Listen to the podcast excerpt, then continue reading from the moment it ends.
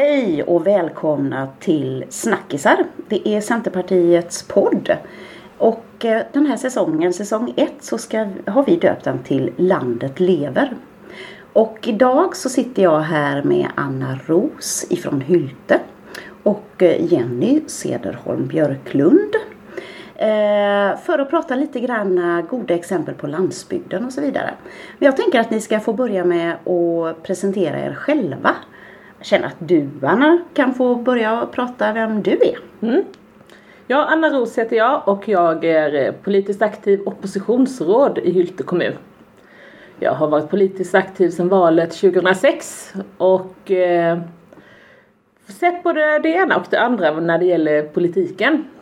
Eh, nu eh, så är det ju mycket kring hur ska vi få hela, hela bygden att leva men också att det ska vara kvalitet för alla som bor i hela bygden.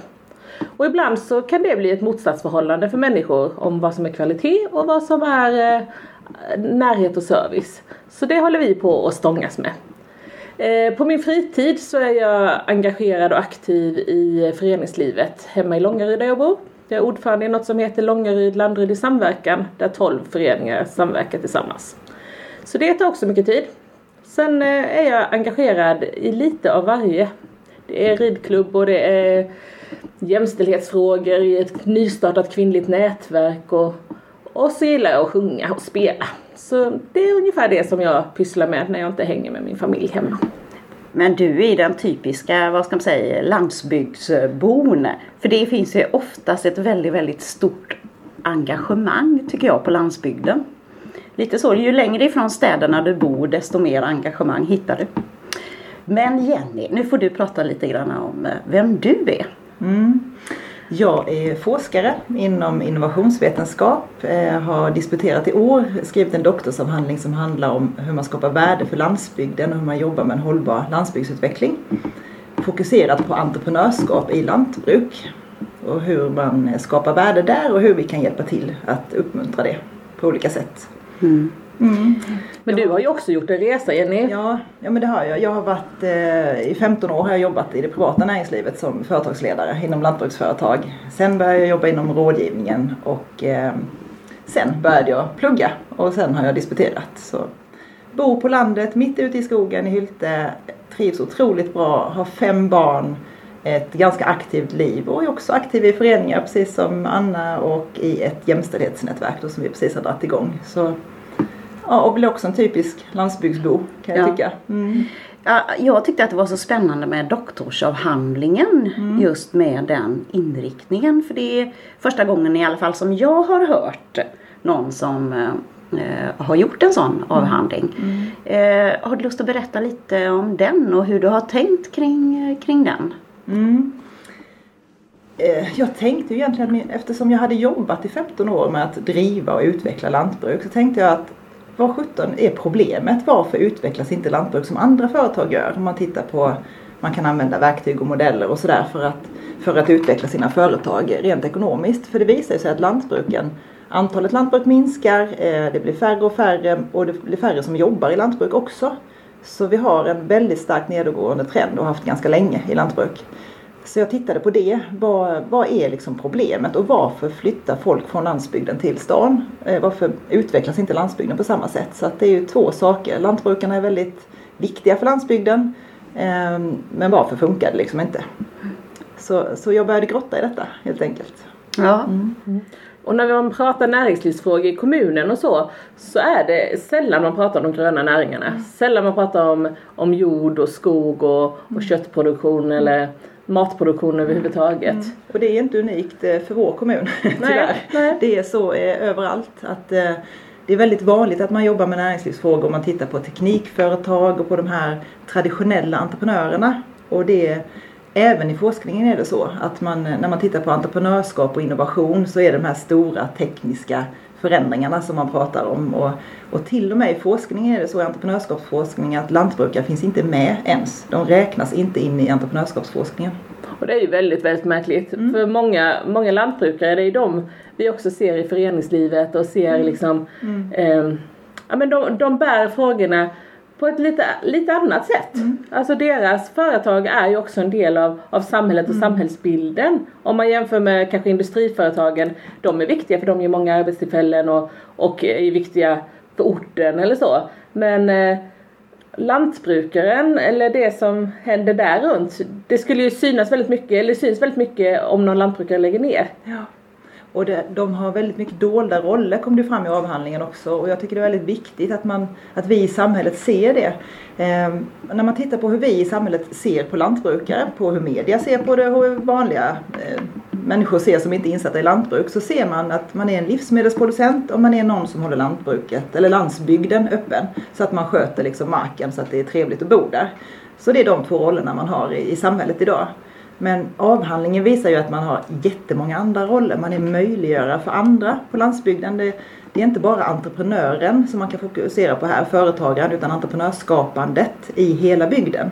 Så man är med, man skapar möjligheter för andra att driva sina företag och utveckla företag och att trivas i bygden, känna sig sedda och trygga och, och sådär. Så att man gör väldigt mycket annat. Man, Eh, på skolavslutningen så kommer det traktor och vagn med studenter på. När det ska ploga snö så kommer lantbrukaren med traktorn och plogar och när det ska skapas grusvägar och det ska byggas fotbollsplaner eller vad det är, då är det lantbrukare som har maskiner och kommer dit och hjälper till, ofta ideellt med de här sakerna. Eh, när det brann till exempel stora skogsbränderna 2018 då hade lantbrukarna kris i sina företag men vem var det som släppte sin verksamhet och bara hjälpte till att släcka bränder? Lantbrukaren. Mm. Så man gör väldigt, väldigt mycket i samhället men, men det är osynligt för vi bara tar det för givet. Mm. Och det är ju märkligt hur, mm. hur vissas, eh, som faktiskt är levebröd och inkomst mm. och så, eh, där ska man hjälpa till ideellt med, med sina saker och andra får man liksom köpa tjänster av. Mm. Mm. Och det är mycket byte, man, man byter och ger bort väldigt mycket tjänster och byter tjänster med andra och sådär. Och det är klart att det är ju inte siffror in i, i resultat och balansräkningen men, men det ger ju väldigt mycket värde för landsbygden. Så när jag intervjuade och tittade på liksom hur tar man beslut, hur tänker man och hur agerar man när man tar beslut i sitt lantbruksföretagande? Varför följer man inte mallen för alla andra företagare? Då visade det sig att man, man tar ju hänsyn till liksom bygden, till trivseln, till grannen, hur den mår, behöver den hjälp med det? Alltså man prioriterar inte sin egen ekonomiska lönsamhet i första hand, det tar man i sista hand istället. Så man, man gör jättemycket för bygden, jättemycket värde för bygden som man inte själv tjänar pengar på. Men det är otroligt viktigt för landsbygden. Ja, jag tänker det är ju nästan lite grann socialt företagande. Ja, ja det är det. Eh. Väldigt mycket. Mm. Mm. Ja men jag tänker också på alla som är djurägare, alla som har hästar eller har några små får och inte så mycket mark. Eller som eh, har kaniner. Då är det ju ovärderligt att ha en lantbrukare i närheten som kan köpa hö eller kan köpa mm. halm mm. i, i småbalvis. Mm. För det är klart att man kan inte ha någon sån här jättestor eh, sak stående i trädgården. En typ stor marshmallow eller? Nej det funkar Nej, ju inte riktigt utan man får ju eh, och där är det också en roll i det här och det är klart att det tjänar man inga pengar på. Nej. Eller att kunna gå till grannen och köpa ägg direkt. Mm. mm. Det är ju en sån eh, värdemätare så mm. det, det, är inte klokt. Att... Och det är ju också, vi har ju turistföretagen till exempel. Vi mm. har ju också i Hylte turistföretag där man på, på, restaurangen kan sitta och titta ut på gulliga Highland Cattle-kor eller man har hagar utanför som där miljön gör att turisterna kommer dit och, gästerna kommer dit. Men det är ju lantbruken som servar runt omkring som tillhandahåller den här miljön som sköter bygden runt omkring så att vi kan ha eller entreprenörer som flyttar dit, driver företag på sin lilla plätt som man har skaffat. Men det finns någon som sköter skogen och sköter marken runt omkring och tillhandahåller liksom det här fina miljön runt omkring mm. och skapar förutsättningar. Ja, det blir ju en kulturmiljö runt omkring ja. som man ja. håller igång. Och, mm. Ja, nej, men det, jag tycker det är jätteviktigt att vi lyfter de här frågorna så att, vi, eh, så att man verkligen ser landsbygden på rätt sätt. Ja. ja eh, jag tänker att det, nu när det har varit eh, Corona och pandemi så har vi ju också väldigt många hemsemestrat och kanske upptäckt eh, eh, närmiljön eh, på landsbygden. Hur upplever ni att den här, eh, har synen förändrats den här sista perioden på landsbygden? Jag tror att det finns en längtan, längtan till landet eller längtan ut och, och så och, eh, och många som kanske varit vana att, att åka, åka iväg och, och så. Jag vet en eh, en tjej som sa att men vi åker ju alltid till hemlandet, till Balkan när det är sommar och, och, semester. Men det har vi inte kunnat göra i år. Så det är första gången som vi har semestrat liksom i, i Halland och, och åkt runt och, och kollat. Um, så jag tror att många har fått upp ögonen för, för saker som händer. Och också tack vare Region Halland, det hade ju en app som A Day in Halland som också visade var man skulle vara eller inte vara där det var liksom lite för trångt. Gjorde ju också att det spreds ut runt om så jag tror att landsbygden har fått fler besökare än man kanske hade fått annars. Mm. Mm. Den appen var ju superbra tycker jag. Ett jättebra initiativ tänker ja, jag. Ja, det var det verkligen. Mm. Så det, och den kan man ju fortsätta och, och utveckla. Ja och jag tänker att det, det gör de ju nu. Nu har det varit lite erbjudanden om vad man kan göra under hösten i Halland och så. Mm. För det är klart att Halland, i alla fall kuststräckan i Halland är ju sommar, sommarparadis. Men eh, det finns ju paradis och fantastiska upplevelser året runt. Mm. Om man går i en skog så, så märker man ju verkligen årstiderna. Mm. Eh, ja, framförallt kanske en bokskog eh, är ju så tydlig med sina färger. Det här riktigt intensivgröna på, på våren när, när bladen spricker och, och sen liksom slungnar det ner sig lite och sen så kommer det pang med höstfärger. Mm. Och sen så blir det lite lugnt och stilla, löven faller, eh, naturen stannar till. Det är dags att liksom gå i ide lite innan det kommer den där wow pang-effekten är, det är det då vi ska återhämta oss? Det blir nästan liksom. som terapi man bara blir lite lugn. Ja men, men det, är ju, det är ju lite så och jag tänker att vi faktiskt, vi som lever med skogen ganska nära. Nu är inte jag någon jätteskogsmänniska men, men, men, men, du är. Ja. Men man följer ju ändå årstiderna och man följer eh, livet lite. Jag tror ja. att vi behöver leva mer i årstiderna för det ja. är viktigt. Mm. Jag brukar ibland tänka så här att nej, men går man en skogspromenad på eh, typ eh, en och en halv timme eller någonting sånt där. Nej men det är ungefär likadant som en hel dag på spa. Mm. Så känner jag mig i alla fall när jag har gjort det. Mm. Ja. Vad gör du i skogen Jenny? Du? Jag har eh, reflektionstid i skogen varje ja. dag. Mm, jag har en och en halv timme i skogen. Ehm, nästan varje dag har jag det för mig själv där jag går. Och ibland är jag liksom på humör att ha ösig musik i lurarna och spida på ordentligt. Och ibland behöver jag gå och grubbla och tänka och, och bearbeta jobbsaker och sådär. Jag jobbar mycket hemma och då är det perfekt att bara kunna gå rätt ut i en och en halv mm. timme och, och bearbeta och reflektera. Ja, och så ja. har jag kommit på hur mycket bra idéer som helst. Och, um, jag brukar använda, jag har min telefon så sätter jag den på inspelning när jag kommer på saker. Jag skriver artiklar och, lite um, jag är krönikör i några tidningar och sådär. Eh, och när jag kommer på texter så bara på med inspelningen och så spelar jag in mina texter så jag har ju halva artikeln färdig när jag kom in på min runda. Och så bara mm. kopplar jag över det till datorn och så fortsätter jag skriva. Perfekt. Mm. Du, jag tänkte, du har ju hittat eh, liksom eh grejen med att kunna jobba hemifrån. Mm. Och eh, vi pratade om det här lite innan vi startade just där att nu med liksom de digitala möjligheterna så har ju landsbygden verkligen utvecklingsmöjligheter. Ja. Ja det är superbra. Berätta lite om det jag tänker på med kompetens och sådär. Mm. Mm. Mm, vi har ju, jag har jobbat så ganska länge och det finns ju organisationer som har jobbat på distans ganska länge i många många år. Vinnova är ett jättebra exempel på det som det finns en annan podd som man kan lyssna på. Mm. Eh, där man pratar om att leda på distans och att jobba på distans. Men de här tekniska möjligheterna som finns idag de, de skapar ju otroliga möjligheter både för oss som har hög kompetens och bor på landet som kan bo kvar, som inte behöver pendla till Stockholm eller Göteborg eller Malmö eller någonting annat där det finns ett huvudkontor. Eh, som inte heller behöver välja att lämna vår familj och veckovis bo någon annanstans eller flytta från landet för att ha ett bra och kul jobb. Att vi kan ha det ändå fast vi bor på landsbygden och det spelar ingen roll var i Sverige vi bor, bara vi har uppkoppling. det, mm. det är ju den parametern.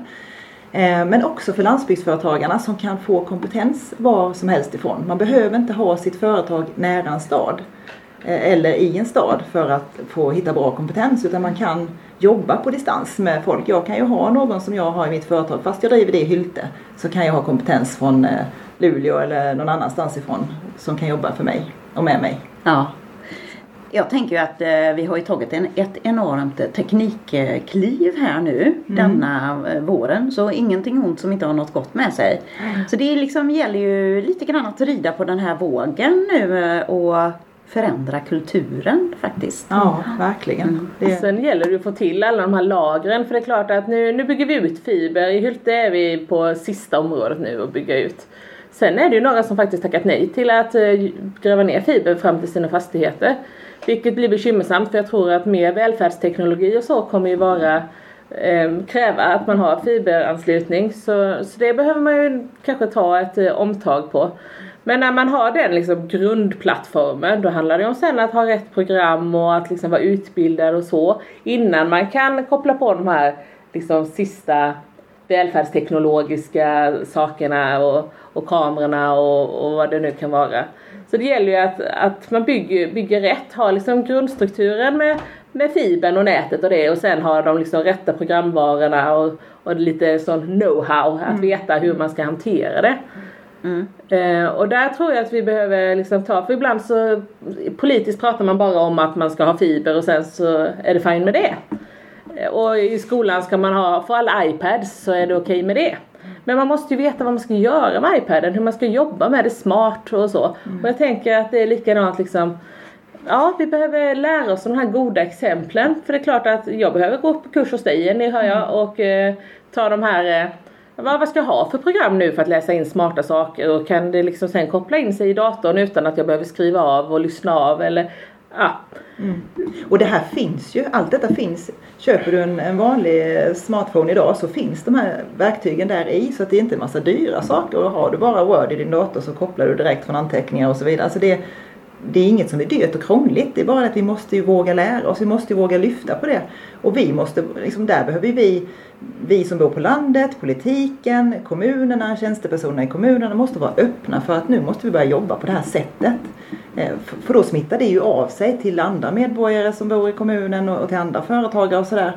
Så att vi som jobbar på det här sättet och som har hittat våra sätt att jobba behöver ju vara bra på att dela med oss av det till andra. Och man måste våga fråga. Säga men jag vet att du trivs och jobbar hemma, mm. precis som du sa. Jag behöver lära mig lite, kan du bara tipsa mig? Mm. Visst, så gör jag ju det. Och så har du ju lärt dig. Visst. Ja, för jag tror att det handlar om liksom att, att bygga kompetens och att bygga det mm. tillsammans. Mm. Och att inte vara så himla rädd att Ja, men vi kan inte både mejla och skicka på sms och vara på Facebook och LinkedIn och, och Instagram och, och alltså så. Man får välja lite vilka plattformar ska man ha och hur ska man kommunicera. Mm i det nätverket som man är eller i den eh, jobbmiljön eller så. Ja. Eh, för det finns ju också ett stort brus om man är i de här digitala kanalerna och att man inte riktigt hittar rätt. Samtidigt som det finns en uppsjö, en oändlig uppsjö av eh, information och mm. bra tips och bra sammanhang att, att vara i på mm. nätet. Och det gäller ju att, vara, att, leda, att leda organisationer. Då får man inte vara rädd för teknikutvecklingen. Man måste se det som en möjlighet ser jag. Eh, och man måste våga fråga, man måste vara öppen och våga prata med varandra. Eh, så, så det är inget krångligt alls, det är bara enorma möjligheter för landsbygden. Mm. Och jag tänker liksom både, både kommunen och, och regionen på, och företagen pratar mm. om att vi kommer stå inför personalbrist, vi kommer stå inför stora pensionsavgångar ja, men hur kan vi jobba med tekniken? Inte för att vi ska ta bort människor mm. men för att vi ska räcka till överhuvudtaget. Mm. Saker som en dator eller ett smart program eller någon smart eh, eh mojäng kan göra hjälper ju oss att faktiskt räcka till. Mm. Så att det som vi människor är bäst på, eh, att vi har liksom tillräckligt med händer och eh, hjärnor till, till det. Mm.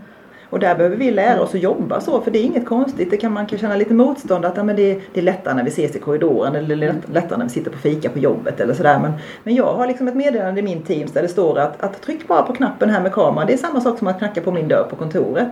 Jag, jag svarar, jag trycker på knappen och då ser du mig personligen precis framför dig som du gör när du kommer in på mitt kontor på jobbet. Det spelar ingen roll var vi är någonstans. Eh, vi får lära oss att hitta de forumen, att eh, liksom ha de här digitala fikat eller digitala mötes sociala mötesträffarna, ja. arbetsplatserna också. Det är mm. liksom, vi har ju det i vårt nätverk, jämställdhetsnätverket, att vi kan man inte vara på plats. Vi har ett nätverk där vi har, jobbar gränsöverskridande, Hylte kommun och Gislaveds kommun och, och Värnamo, alltså det är lite runt om. Eh, och då kan man inte vara på plats på ett frukostmöte, men då kopplar man väl upp sig eller på ett lunchmöte eller vad det är. Alltså vi måste hitta de här sätten att kunna vara närvarande, vara tillsammans digitalt också. Ja. Du, du ju, nämnde ju det här jämställdhetsnätverket. Mm. Det är ju också lite spännande tycker jag och ligger lite i, eh, vad ska man säga, mig varmt om hjärtat. Ja. Berätta lite vad, vad det är eller nu hur ni har startat upp det. Ja, vi startade, mm, vi hade ju en träff igår kväll så vi är lite speedade just Ja. nu. Men eh, vi, vi började prata om det här. Anna hade gått och klurat på sitt håll i några år och, och ni hade haft någon träff i någon konstellation på kvinnodagen. Och, och jag hade gått och funderat i några år men jag kände att jag orkar inte ta tag i det här förrän jag är färdig med min doktorsavhandling. Eh, och jag har en gammal kollega, eller hon är inte gammal men vi var detta kollega, Ja. som också hade gått och klurat på sitt håll på det här och hon bor i Smålandstena. Så, så började du och jag prata Anna vid något tillfälle och, och då pratade jag med, med Åsa-Lena, min kollega som bor i Smålandstena och så sa vi att vi gör någonting tillsammans istället för att vi ska göra ett i Smålandstena, ett i Hylte, ett, med, ett som är ett affärsnätverk, ett som är eh, med jämställdhetsforum eh, övergripande oavsett om man har företag eller inte och sådär. Vi, vi kör allting under ett paraply och så kan vi ha olika delar i det, olika konstellationer, olika grupper som har olika intressen.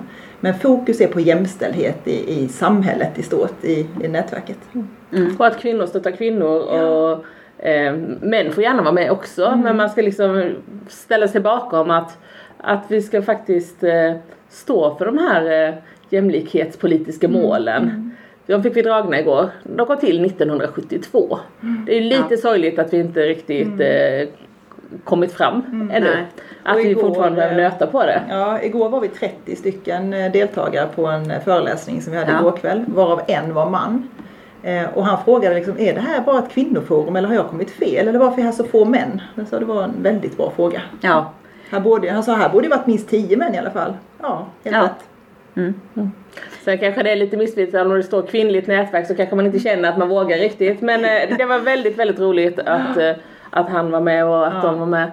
Eh, och då hade vi en dragning av Från vaggan till graven, den eh, studien som Region Halland och Länsstyrelsen Halland har gjort.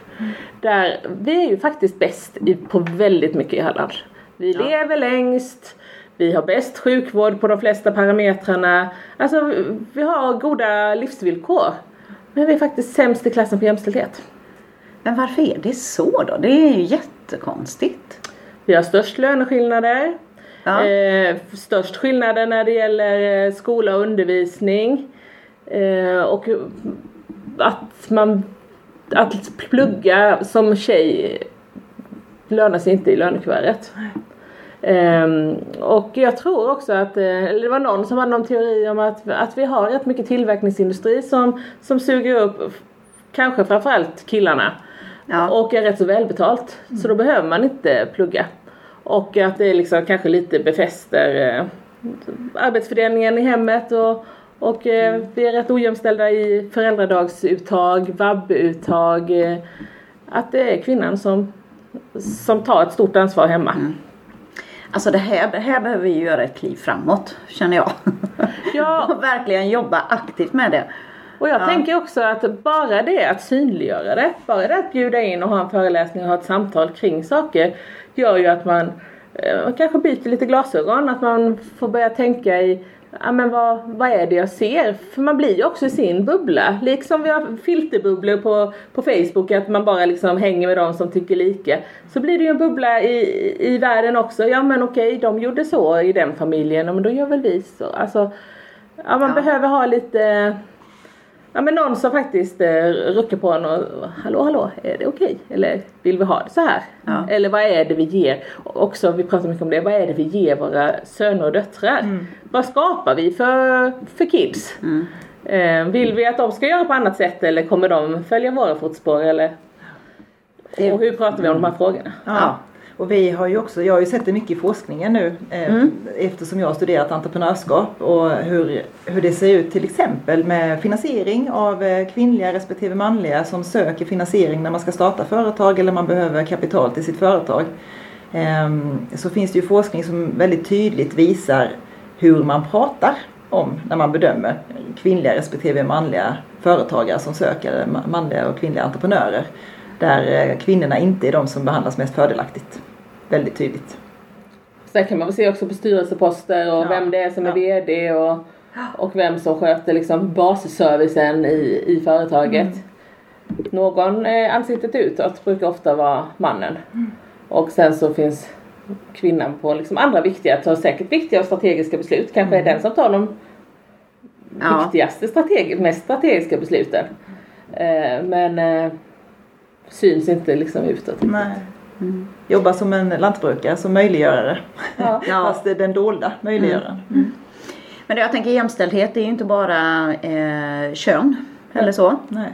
Utan det är även lite grann om vi går tillbaks till landsbygden eller så. Mm. Det är också jämställdhet eh, att man ska ha lika villkor när man bor på landsbygden. Ja, och där har vi ju en jättelång resa framför oss. Och där kan det här med den digitala tekniken och möjlighet att jobba på distans och ha an, anställda på distans och, och att kunna koppla, eh, utnyttja det här. Där, där, kan det ju, eh, där kan vi ju höja jämställdheten jätte- jättemycket och bli av med den här att vi som bor på landsbygden är diskriminerade från många jobb. Ja. Eh, alltså, eh, jag har tänkt på det också eh, om man säger lantbrukaren nu. Nej, men förr så var det ju en väldigt, vad ska man säga, lågutbildad eh, egenföretagare. Men så ser det ju inte ut idag. Nej, de är otroligt välutbildade och väl pålästa och har stora nätverk nationellt och de har koll på forskningen och de, de har sociala forum, internationella forum och, och sådär. Så att eh, lantbrukaren är ju otroligt eh, teknisk och eh, väldigt påläst. Liksom. De är superinnovativa lantbrukare. Det visade också avhandlingen att eftersom jag nu såg att de inte fanns med i entreprenörskapsforskningen så behövde jag ju studera, är de entreprenörer eller inte? Och vad, Ja. hur är man om man är en entreprenör? Och då finns det ett begrepp i forskningen som heter entrepreneurial orientation. Så det betyder att hur, hur mycket entreprenöriell orientering har man? Hur, hur agerar man? Har man hög eller låg nivå på detta kan man säga. Och då finns det tre begrepp som man tittar på. Och det är om man är innovativ, alltså man jobbar med nya arbetssätt, nya metoder, nytänkande. Om man är risktagande, vilket de i allra högsta grad är för de riskerar hela sin familjs ekonomi i vardagen varje dag. Och om man är proaktiv. Så det är de här tre. Proaktiv det är att man ligger steget före och man tänker att jaha, blir det, blir det det här vädret nu så får vi göra så här eller händer detta nu eller blir det torka så får vi göra, då är man Lantbrukaren är i vardagen otroligt, har otroligt hög entreprenöriell orientering. För man har väldigt höga nivåer på alla de här tre parametrarna. Så att man inte skulle anses vara en entreprenör är ju helt galet. Ja. Eh, och det innebär ju att man är innovativ och man är proaktiv och, och risktagande. Det innebär ju också att man ligger med långt i, fram i forskning och i annat eh, kunnande. Ja. Så man är superpåläst och duktig. Eh, och det innebär i sin tur att vi som jobbar i stödsystemet runt omkring i rådgivning, eh, Jordbruksverk, länsstyrelser, rådgivningsorganisationer och så vidare. Vi behöver hänga med i den här utvecklingen. För det har gått så snabbt. De är så duktiga, de är så pålästa men där hänger inte stödsystemet med. För vi Nej. jobbar som vi gjorde för väldigt många år sedan. När man tittar på innovationsforskningen så jobbar vi efter innovationsmodeller som man hade på, på 50, 60, nästan 70-talet om vi har tur. Vi, vi är inte på 2020-talet när man tittar på hur vi jobbar med innovation i, i stödsystemet.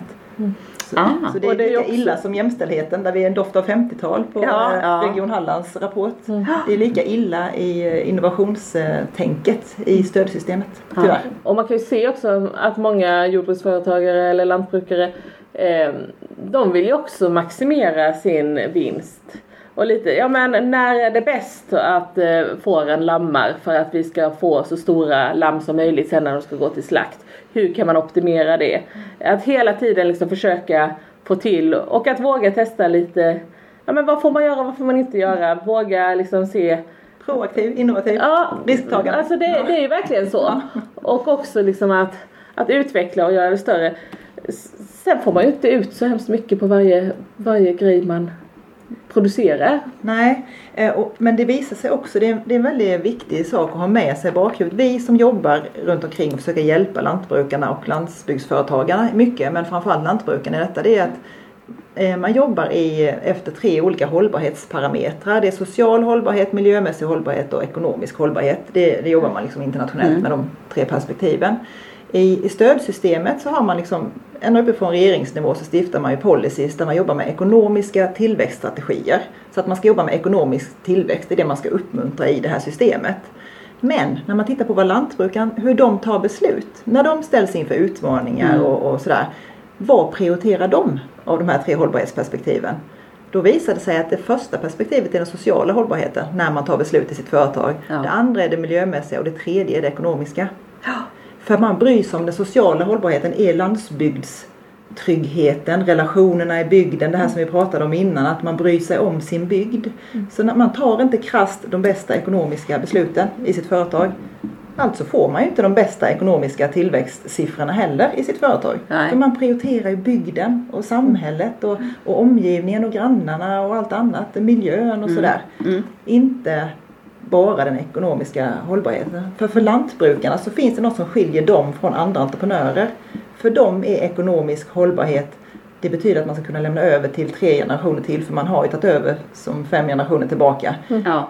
Att kunna lämna över ett företag som finns kvar det är ekonomisk hållbarhet för dem. Inte att bli rik och berömd och, och kunna sälja och starta något nytt och bli rik igen som en traditionell entreprenör. Nej, just det. Nej men det här med att eh, vara skogsägare till exempel. Eh, det är väldigt mycket kostnader när man ska plantera och, så och det kommer man inte att skörda på, på sin livstid. Förhoppningsvis så är det ens barn som får det eller så är det faktiskt ens barnbarn. Det är ju investeringar eh, på hög nivå. Eh, och också faktiskt att investera med hjärtat för, för kommande generationer och, och för att det liksom Mm. ska vara bra. Jag tänker på det, hur är självbilden liksom eh, hos lantbrukaren? Ser de sig som eh, entreprenörer som du säger att de faktiskt är eller behöver vi eh, jobba med självbilden både hos dem och kanske den övriga eh, allmänheten för att, för att lyfta det här? Ja, vi behöver jobba med det hos alla. Hos alla, de, de är ju födda i detta. Det här finns ett begrepp för det här att man tar, tar hand om bygden och att man har så mycket relationer. Det kallas att man är inbäddad i, i sammanhanget. Man är inbäddad i sin eh, kultur och i relationer och i liksom tankesätt och så här har vi alltid gjort och det har vi gjort i fem generationer. Från det att man föds så blir man inbäddad. Så här gör vi här, så här gör vi inte här. Så, så här beter man sig i, i den här bygden. Liksom. Ja. Så man är inbäddad i detta så man blir också blind för detta. Men det gäller ju oss andra som jobbar med, med stöden och hjälpen till dem också. Och, och det för oss som jobbar i stödsystemet, för oss som jobbar i kommunerna, för politikerna i kommunerna. Vi är också inbäddade i vår bygd och i våra organisationer. Vi är också blinda för, för många saker som inte vi ser för att vi tar dem för givna. Ja. Så, så det behövs både hos lantbrukarna och hos oss andra. ja, precis. Mm. För att lyfta. Jag var på ett möte med hästnätverket eh, i Centerpartiet på, när vi hade stämman senast. Eller om det var kommundagar. Eh, och det blev också en lite aha-upplevelse för mig. Alltså hur, hur mycket som krävs runt en häst med eh, hur många en häst sysselsätter med, med foder och med veterinär och med hovslagare och med liksom allt som är runt. Och då är det liksom bara någon häst. Och, och jag tänker också, och det är liksom fritids hobbysysselsättning. Det pratar vi inte om att, att hästar genererar företagsamhet. Men det gör det ju verkligen. Ja. För det är så många andra som är, är runt och, och levererar till, till de som, som har häst. Ja. Eh, och jag tror också att vi eh, på den politiska nivån behöver, när vi pratar näringsliv och när vi pratar så måste vi ta in de här gröna och grönblå näringarna. Eh, Tiraholm i Hylte kommun har ju gjort en jätteresa från att vara ett fiskeriföretag eh, som först fiskade, levererade ut, sen började förädla själva och ha gårdsbutik och konferenser och nu har ett helt hotell med konferensanläggning. Eh, men där fraktas inte maten speciellt långt utan det är liksom från, från Bolmen och sen 100 meter upp till köket. Eh, och det tänker jag också är liksom det är ju verkligen hur man kan förädla och förfina ett, eh, ett jordbruk, ett vattenbruk till att bli en hel destination Ja. med hur många besökare som helst om året. Ja. Och jag där, har vi ju faktiskt väldigt många eh, som poppar upp nu här i Halland. Eh, som just utvecklar platsen eh, där de är och, och allting runt omkring. Så att, eh, ja, jag, jag får säga att jag ser ljust på framtiden. vi, har ju, vi har ju ett väldigt bra läge i Halland och jätte liksom, fin natur och mycket att tillgå och sådär. Och många vill ju verkligen det. Jag tänker också, ja, men viltkött är ju också en sån eh, glömd produkt, eller har varit tidigare. För det har bara varit för de som jagar. Och på landsbygden är det självklart att alla jagar.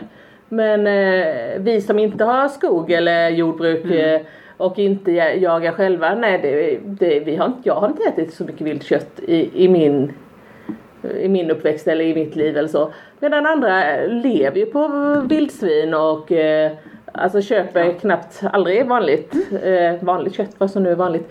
Men eh, och där är också lite, alltså hur, hur ser vi på det? Och det är också en köttråvara som vi skulle behöva eh, ta in i våra äldreboende och på skolor och, och liksom jobba med så att det också blir lite företagsamt och lite lönsamt att skjuta de där skadedjuren, vildsvinen. Ja, precis. Så det gäller ju också att få till eh, både, både samhällsnytta men också att det faktiskt ska bli någonting som är efterfrågat. Mm. Mm. Eh, ja, det gäller att eh, koppla ihop saker hela tiden och där måste vi som politiker eh, föregå med Alltså lägga förslag om att ja, men så här vill vi se det och det som liksom är självklart eller har varit i det privata eller så innan. Ja, men att våga lyfta det till, mm. till diskussion också. Och här är det ju så himla viktigt liksom att man ja, lyssnar in och mm. får tips och idéer så att vi liksom med gemensamma krafter kan, kan jobba framåt då. Mm. Alltså det, tiden går ju så fort och det är så roligt att snacka med er. men, men, jag tänker eh, Jenny, är det någonting som vi inte har pratat om som du gärna vill lyfta innan vi Oh, vi skulle kunna göra hur många ja. som helst men, men jag skulle verkligen vilja lyfta egentligen det som jag tittar på som jag fokuserar på i avhandlingen. Ja. Hur man skapar värde för en hållbar landsbygdsutveckling. Mm. Det här värdeskapandet, vad, ska, vad skapar vi för värde för varandra? För vi skapar väldigt, väldigt mycket värde för varandra. Lantbrukaren skapar värde, jag som boende på landsbygden skapar värde. Man gör mycket för att skapa värde för någon annan. Eh, och det vill jag liksom skicka med de som lyssnar att hur gör jag för att skapa värde för någon annan och vem skapar jag värde för och vem skapar värde för mig i mm. bygden. Mm. Observera det lite och fundera på det. Vi gör väldigt mycket för varandra och hur kan vi göra det ännu bättre? Ja. Och eh, våga vara lite stolta landsbygdsbor. Ja, stolta och våga ifrågasätta och ja. våga lära och våga vara öppna. Ja. det finns världens möjligheter. Ja, som sagt vi kanske får ha en, en egen podd. det här blir avsnitt 75. ja, men du, så himla härligt att eh, ni ville vara med i, i Snackisar. Ja, det har varit jättetrevligt att ha er här. Eh, så tusen tack. Och eh, på återseende. Som sagt det kanske blir mer poddar. Ja. Det vet vi inte. Nej. ah, tack ska ni ha. Tack.